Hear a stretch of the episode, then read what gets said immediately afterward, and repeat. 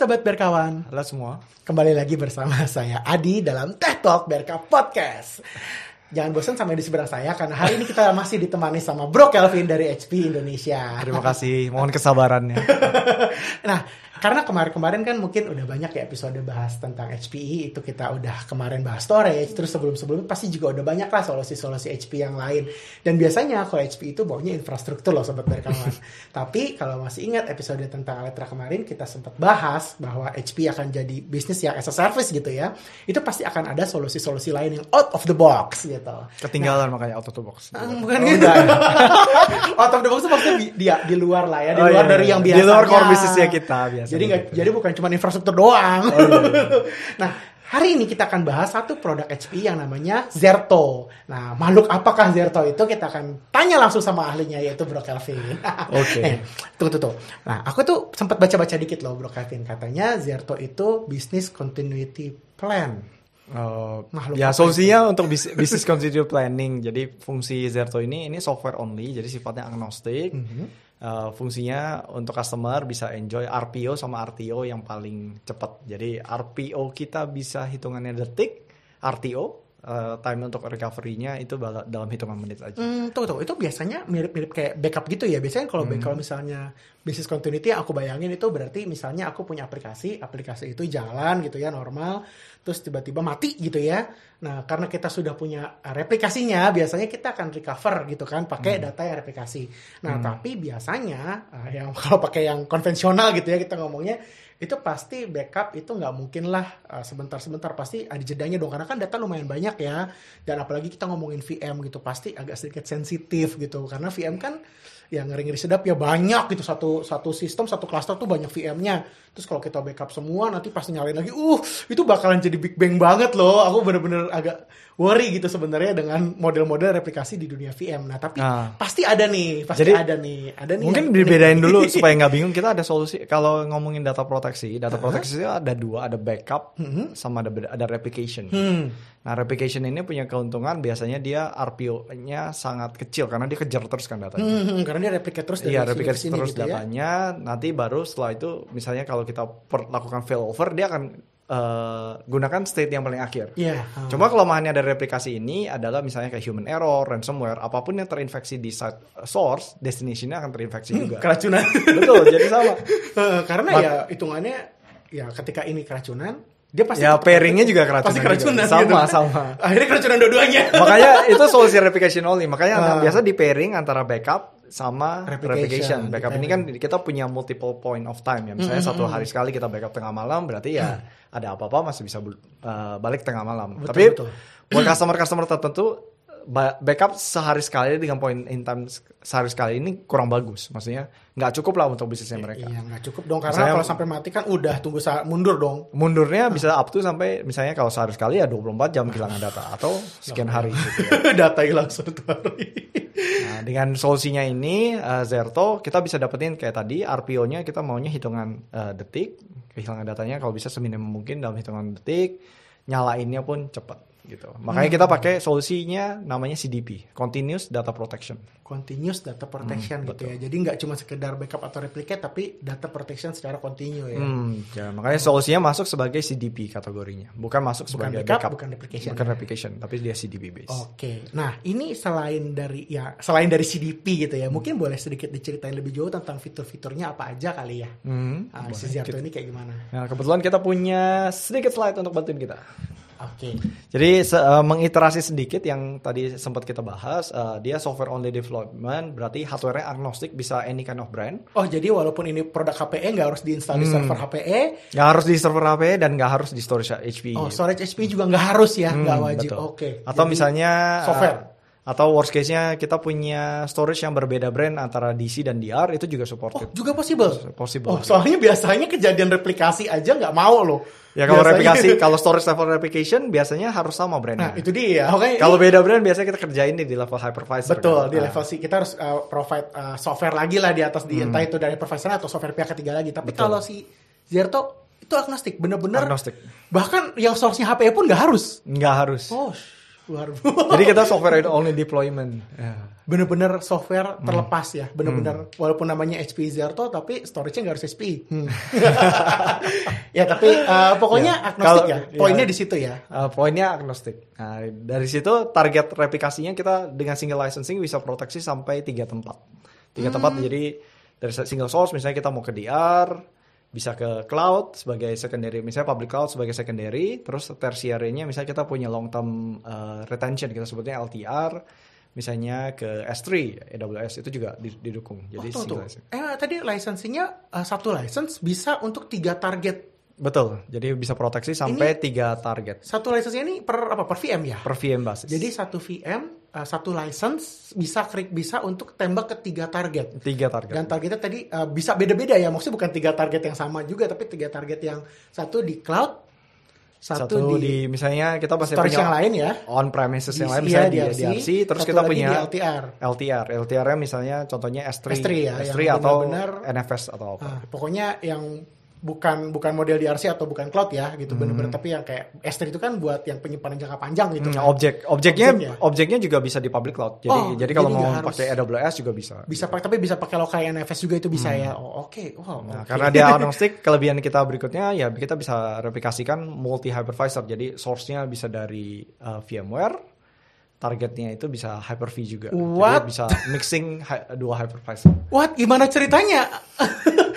Nggak, soalnya gini, soalnya gini loh. Uh, uh, jangankan begitu loh, Bol Kevin biasanya customer either ya udah jadi kayak agama loh, agama lo Hyper-V atau atau VMware gitu karena biasanya tuh dua kayak minyak gitu nggak minyak sama air nggak bisa Ya, ya kita kan ngajarin murtad ya. berarti. soalnya minyak sama air loh bro Nggak- biasanya tuh dua hal itu nggak bisa nyatu gitu Hmm. tapi tadi Bro Kevin bilang kalau dia source-nya VMware destination VMware itu possible ya bisa. Sebagai ilustrasinya di sini ada slide. eh, misalnya kita punya dua buah site, satu eh, berbasis VMware, yang DR-nya itu misalnya nggak harus VMware, misalnya harus Hyper-V. VMware Iya. Jadi kita akan coba eh, pairing SCVMM namanya. Eh, SCVMM itu manajemen toolsnya untuk Hyper-V, sedangkan vCenter ini kan untuk manajemen toolsnya ya. VMware. Kita akan install satu VM tambahan namanya ZVM. Jadi uh, ZVM ini nanti jadi uh, pairing ya bisa di bisa ngobrol sama yang punya vCenter, bisa ngobrol sama yang punya Hyper-V. Jadi masing-masing masing-masing kita tandemin satu manajemen toolsnya ke satu ZVM ini. Jadi Oh, kan oke. ZVM singkatannya Zerto Virtual Manager. ya, Hmm, gitu. Oke oke oke. Nah, kita ada dua flavor dari Virtual Managernya, ada Windows base, ada juga yang Linux base. Ya, itu buat flavornya aja ya. Nah, flavor ya. untuk yang lebih concern ke security biasanya maunya ke VM. Linux base. Lalu ada lagi apa nih? Ada komponen kedua namanya VRA. VRA Hmm. ini sebuah VM juga bentuknya. Dia akan diinstal pada masing-masing host. Oh oke. Jadi kalau misalnya VMware kita punya tiga host, maka Kita VRA ada, ini ada tiga VRA. ada ada situ V- ya. tiga VRA yang akan eh, masing-masing satu ya. Jadi jadi tadi ada ZVM di vCenter-nya atau di SPC VMM-nya. Hmm. Lalu di setiap host yang kita punya itu pasang satu VM lagi namanya VRA. Betul. VRA ini fungsinya dia akan menangkap hasil replikasi dari pasangannya. Jadi contohnya dia akan menangkap semua I/O yang yang berjalan dari dari guest VM. Jadi guest VM misalnya di sini ada VM tambahan di sini. Hmm. Ada VM, dia akan tulis ke virtual disk kan. Nah, apa pun yang masuk ke virtual disk itu akan ditangkap juga atau diduplikasikan oleh Sama VRA. VRA ini. Nah, oh. tinggal nanti dia akan mereplikasikannya ke mana. Oh oke Nah, oke. contohnya kita bisa replikasikannya tadi kan ilustrasinya ke tiga tempat, kita bisa ke DR. Ini contohnya dia akan uh, replikasikan ke another VRA yang dia ada di DR. Di mana kalau dia Hyper-V, misalnya hypervisornya berbeda, dia akan lakukan konversi juga dari formatnya VMware, VMDK base ke VHD base. itu di convert langsung Betul, live betul. di convert jadi ketika dia replicate dari satu host yang ada di satu site dari Hmm. DC misalnya dilempar ke DR itu dia sudah di convert langsung ngikutin format yang ada di sana Hypervisor yang tujuannya. Jadi dia VRA ini uh, fungsinya mengkonversi. wow Jadi contohnya itu kalau ke DR ya. kan.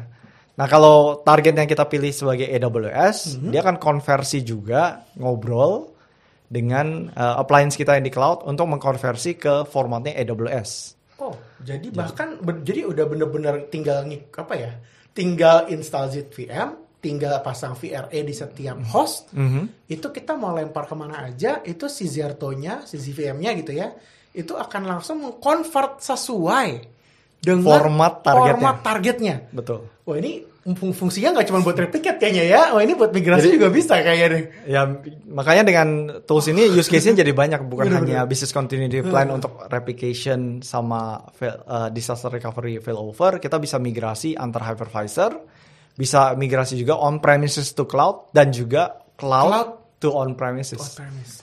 Biasanya kan cloud Kenyang. begitu begitu cloud kita migrasi ke cloud kan biasanya dia bentuknya kayak uh, one way trip ya. Betul, one way trip to Jadi, cloud. nah, dia dia kan berwenang-wenang, ayo ayo ayo masuk. Tapi begitu Iya. masuk susah keluar. Begitu balik lagi nggak bisa. Biasanya gitu sih. Ah, Toolsnya jadi- tidak disediakan untuk kembali lagi ke Betul. server, nggak bisa. Iya, kereta one way aja kan. Tapi dengan si Zerto ini bisa dari cloud balik lagi bahkan Betul. ke on premise. buat yang menyesal atau tiba-tiba kebentuk regulasi ya, mungkin bisa mikir nih, "Hmm, mungkin Zerto bisa buat Iya, terus betul. buat migrate balik atau mungkin ya kita move on ya. Jadi uh, mungkin either dibalikin dan kita manfaatkan cloud sebagai DRC tapi tetap punya interoperability bisa pindah-pindah gitu ya. Iya, betul. Dan itu sangat simpel dengan model si Zerto ini. Hmm. Kita punya slide berikut juga jelasin mengenai jurnal base, boleh tolong dibantu. Oke, ini apa nih? Kan uh, biasanya nih tadi nih sempat di awal ya kayaknya bahas ya. Kalau backup biasanya uh, waktunya agak lebih jauh ya jaraknya gitu. Emang Hmm. kalau Zerto tuh gimana? Kalau backup kan durasi misalnya sebagai contoh kita akan backup setiap hari ya. Daily, Makanya- daily, daily, daily, daily backup. Daily daily backup itu berarti potensi kehilangan data RPO kita hanya 24 jam. Ya, Ya, misalnya kalau data backup jam 10 malam, terus tiba-tiba uh, jam 7 pagi, eh jangan deh, jam 7 malam gitu ya, udah menjelang jam 10 malam lagi tiba-tiba kena ransomware gitu ya, aku harus balikin ke jam 10 malam. Iya. Itu udah hilang 22, eh 10 ke 19, 9 jam, eh lebih ya. Eh, berarti kehilangannya 21, 21 jam, 21 jam, 21 jam. betul. 21 jam. Itu kalau backup. Hmm, kalau backup. Makanya kita up to 24 jam dengan backup. Nah, bisa juga dengan leverage namanya storage level snapshot. Nah, storage level snapshot biasanya kerjanya jauh lebih cepat. Kita bisa per 4 jam ya dengan storage. Ya, tetap aja sih 4 jam means misalnya uh, jam 10, jam 14 ya jam 2, terus uh, jam 18 gitu ya, terus kena kenanya jam 19, tetap aja mundurnya sejam. Lumayan lama. Emang Betul, kalau. Zerto Nah, kalau Zerto ini kehilangan data bisa di kita minim- minimalisasi sampai hitungan detik. Hmm. Jadi RPO-nya kita bisa hanya 5 seconds. tunggu, emang emang nggak di apa yang di backup 5 detik? Gimana ceritanya 5 detik? Jadi bedanya kalau journal base itu kita eh, simpan point in time. Jadi setiap state berubahnya VM ini kita akan simpan dan itu bisa dalam hitungan detik. Oh. Jadi per 5 detik kita akan simpan gitu. Jadi dia setiap 5 detik, jadi Nggak, setiap nggak mandatory setiap 5 detik, Oh, tapi nggak target ya? Hmm. targetnya best effort, tapi roughly dia hitungan 5 detik itu kita bisa ambil checkpointnya. Jadi checkpointnya sangat-sangat kecil. Jadi kira-kira kayak ya kalau kita pakai hitungan 5 detik ya, berarti Hmm. seakan-akan setiap 5 detik dia akan nge-capture setiap perubahan di VM itu. Betul. Dan itu akan langsung sama dia. Langsung di replicate dan kita bisa muter setiap eh, bisa play setiap 5 detik. Jadi dalam ilustrasi slide-nya ini kita misalnya jam 10 hit, kita bisa balik ke 10 kurang 5 detik.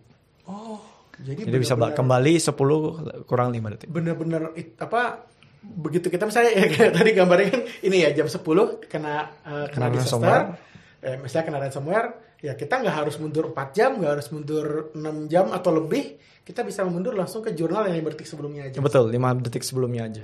oh itu lumayan sih bener-bener Hmm. akan sangat helping banget apalagi kalau yang VM-nya mungkin transaksional ya terutama Hmm, ya karena transaction kan happening every seconds gitu mungkin kalau dulu loss-nya hilang data transaksi satu jam aja udah sesak gitu ya Hmm. mungkin itu bisa direduce sampai up to 5 detik Ya, nah dengan begini kita ini kan ngomongin RPO ya dari tadi. Iya. Untuk RTO-nya kita cepat boot up VM tersebut. Jadi VM itu boot up-nya misalnya eh, 5 menit ya. 5 menit itulah yang diperlukan untuk boot up. Ya tapi kan sebenarnya karena kita sudah replicate ya kita bisa Hmm. aja dong jalan sebenarnya dengan yang DR-nya dulu gitu misalnya nanti paling Iya. untuk nyalainnya lagi istilahnya untuk recover ke full 100% lagi ya dengan lima hitungan menit itu tadi gitu Iya ya. betul, kita bisa replikasikan balik lagi nanti lagi. kalau eh, site eh, awalnya sudah Sudah recover. nyala ya tinggal ikutin dari si yang DRC-nya gitu kan dan Betul. itu tetap dengan gap 5 detik aja. Iya, digatain 5 detik. Aduh kenyang sekali kayaknya nih. Kayak sobat berkawan udah mulai gatal nih sama hmm, ini jangan browsing dulu uh, sobat berkawan ya, jangan browsing dulu. Jangan dulu. Kita masih ada fitur-fitur lain soalnya. Oke, kita coba lihat ada fitur apa lagi. Nah, ini ah, bundle-bundle apa ini? Mungkin boleh sedikit dijelasin nggak, Bro Gavin? Nah, kita bisa grouping aplikasi-aplikasi yang saling dependen satu dengan yang lain biar timestamp-nya sama. Tadi kan per 5 detik. Semua kan nanti ada yang detik ketiga, ada yang detik keempat. Kita bisa grouping jadi satu grup namanya VPG, Virtual Protection Group. Jadi contohnya ilustrasinya di sini kita punya app server, punya web server, DB server, dan file server. Empat ini kita akan tetap sinkronisasi di timestamp yang sama. Jadi kalau nanti kita recover, mereka akan konsisten antara ke- keempat aplikasi tersebut. Oh gini ya, soalnya aku kayaknya pernah kayak gini nih. Jadi misalnya yang kena sebenarnya cuma server yang aplikasi doang gitu misalnya.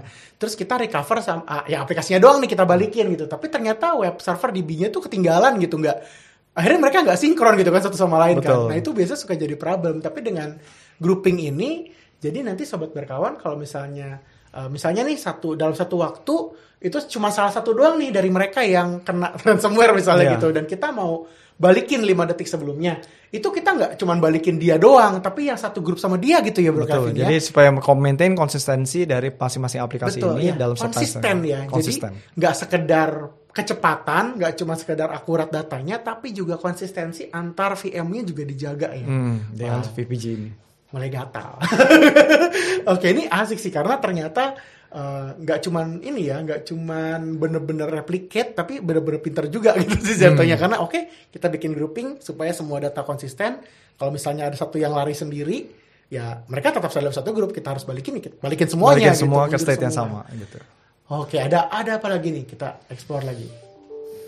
Nah ini Nah, jadi dengan yang tadi saya sempat singgung dengan toolsnya Zerto ini bisa bantu juga teman-teman untuk migrasi ke cloud maupun eh, dari cloud ke on premises. Nah, tapi anggaplah kalau kita mau beneran full ke cloud, kita punya namanya Zerto in Cloud, disebutnya ZIC ya, Zerto in Cloud, di mana kita bisa proteksi antara dua region, contohnya di sini AWS. Eh, dari satu region AWS bisa kita replikasikan ke another region juga. Tuh, tuh, tuh, tuh. Ini ini mengganggu lagi, mengganggu pikiran saya. Antar region, Antar region. Jadi bukan misalnya antar AZ ya.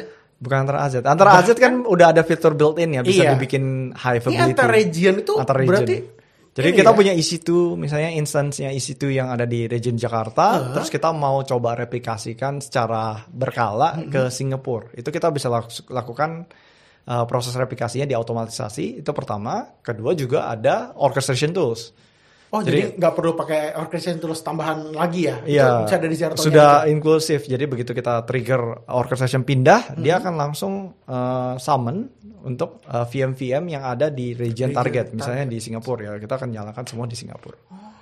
Wow, ini ini sih, wah ini banyak banyak banget use case yang kayaknya bisa dilakuin ya sama si Zerto. Mhm. Bahkan aku tadi sebenarnya agak bingung antar region, apakah itu possible? Katanya sih memang sebenarnya dari Amazon possible ya dari AWS. Hmm, tapi mungkin nggak sih semua region available ya. Nah, itu dia. Kebetulan kita ngomongin pakai Indonesia, Jakarta sih belum ada. Iya.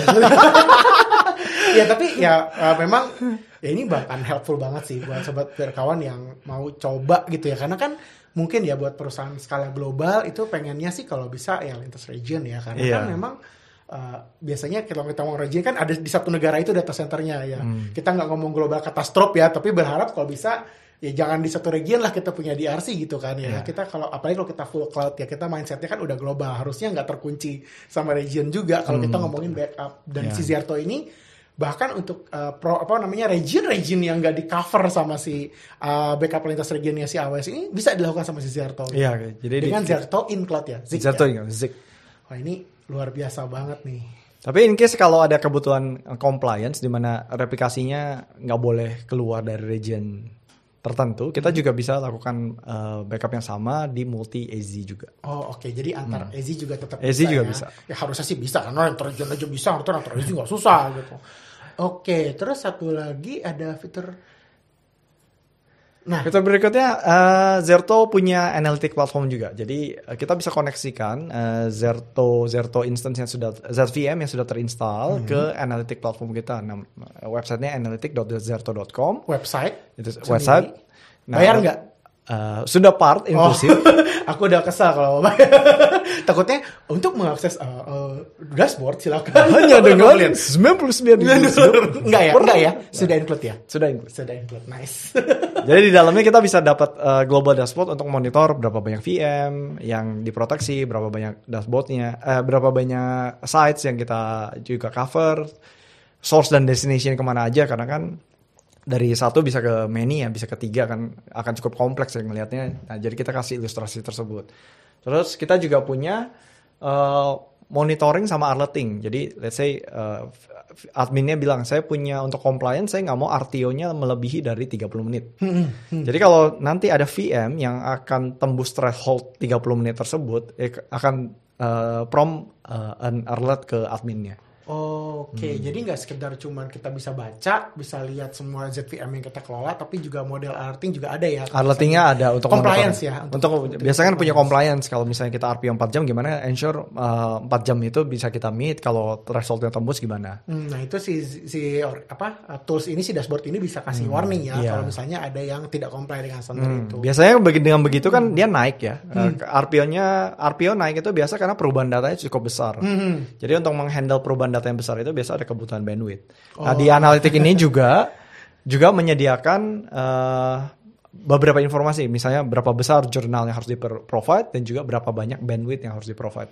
Oke, jadi biasanya kita nge-adjust ukuran jurnal yang kita izinkan sama nge-adjust bandwidth yang kita perlukan Iya, antara ya. mau naikin bandwidth atau, atau gedein ukuran jurnalnya. Hmm. Karena itu tadi untuk mempercepat apa untuk memperbaiki RPO-nya itu kan ya. Betul.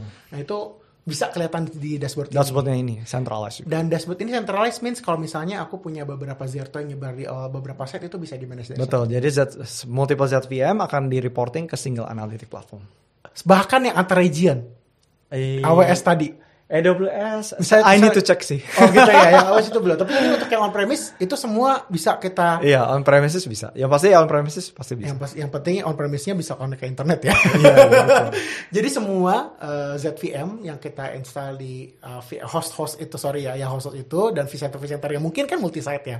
Kita biasa ngomong enterprise uh, yang banyak vCenternya Terus berarti kan kalau gitu banyak ZVM-nya ya? Iya betul. Nah itu walaupun tersebar di all site, kita tetap dashboardnya dari satu. Betul, dashboardnya satu. Means kita bisa lihat bahkan kita bisa ngelihat semua ya kebutuhan-kebutuhan itu dalam satu tempat walaupun kita punya banyak sebenarnya site-nya. Betul, itu.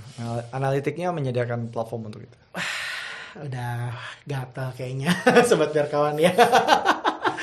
ya jadi sobat berkawan, uh, aku mau sedikit simpulin ya. Ini udah banyak banget sih uh, topik yang kita bahas tentang Zerto hari ini. Jadi Zerto itu banyak sih menjawab uh, mungkin gangguan kepala sobat berkawan, terutama kita ngomong multi platform virtualization. Multi platform virtualization, multi site juga, terus multi cloud juga. Multi cloud juga. Itu biasanya uh kompleks banget apalagi aduh banyak-banyak nggak apa ya, udah nggak kompatibel udah kalau udah pergi naik bus satu arah gitu ya itu semua bisa dibantu sama Zerto karena Zerto itu bisa Pertama ya tadi uh, agnostik ya, jadi hmm. dia nggak harus pakai storage uh, brand tertentu. Bahkan source dan target itu tidak harus satu brand, dia bisa brand yang beda. Dan satu license-nya itu bahkan nggak cuma cover antara site, satu site ke satu site gitu ya, tapi satu site ke tiga tempat.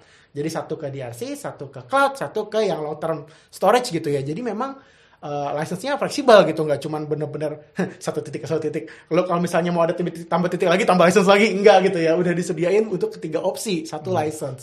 Nah terus juga tadi uh, kita ada ada ada apa namanya ada fitur itu dengan backupnya tidak menggunakan uh, kayak backup atau snapshot gitu ya tapi hmm, dengan jurnal. yang mana dengan jurnal base ini kita bisa achieve uh, RPO yang sangat kecil kecil sekali bahkan up to 5 detik gitu dan biasanya ya kalau kita ngomongin teknologi yang konvensional kan itu impossible karena backupnya bukan berdasarkan jurnal ya hmm. bukan jurnal base nah selain itu kita juga punya tools ya itu yang benar-benar bisa cover uh, perpindahan bukan sekedar dari satu DC ke DRC, tapi juga bisa lintas cloud ya tadi hmm. dengan Zerto in Cloud. Jadi misalnya cloud, uh, uh, misalnya kita punya AWS ya, AWS yang di region Jakarta gitu ya, terus kita mau punya gitu ya di region lain mungkin karena kita perusahaan global gitu ya sahabat berkawan itu nggak usah worry juga bahkan uh, kita uh, bisa melakukan ya uh, backupnya ke sana gitu bisa yeah. bisa ngelakuin kita proteksi kita protect ke another region. ke another region itu luar biasa banget dan itu ternyata nggak sekedar cuman kita punya tools yang super powerful, tapi kita juga punya uh, dashboard ya. Dashboard ini juga bisa memberikan analytics dan ini bisa mengcover semua uh, ZVM yang kita manage gitu dan wah ini luar biasa sih barangnya sih menurutku. Nah, sobat berkawan kalau mau tahu lebih jauh tentang Zerto dan pengen ngobrol-ngobrol dengan uh, tim dari Berka, nah sobat berkawan bisa hubungi email di sini marketing@berka.id. Uh, dan juga nanti kalau misalnya sobat berkawan uh, mau tahu lebih jauh ya mungkin bisa hubungi langsung ke saya. Atau kalau misalnya punya nomor uh, Bro Calvin boleh langsung dicoba gitu ya. Tapi jangan coba-coba. Uh, nanti kalau misalnya sobat berkawan mau tahu lebih lanjut lagi tentang solusi-solusi dan produk-produk dari HPI dan juga dari Berka jangan lupa like, comment dan subscribe. Nah kita akan ketemu lagi di episode Teh Talk Berka Podcast selanjutnya. Dah! Sampai jumpa semua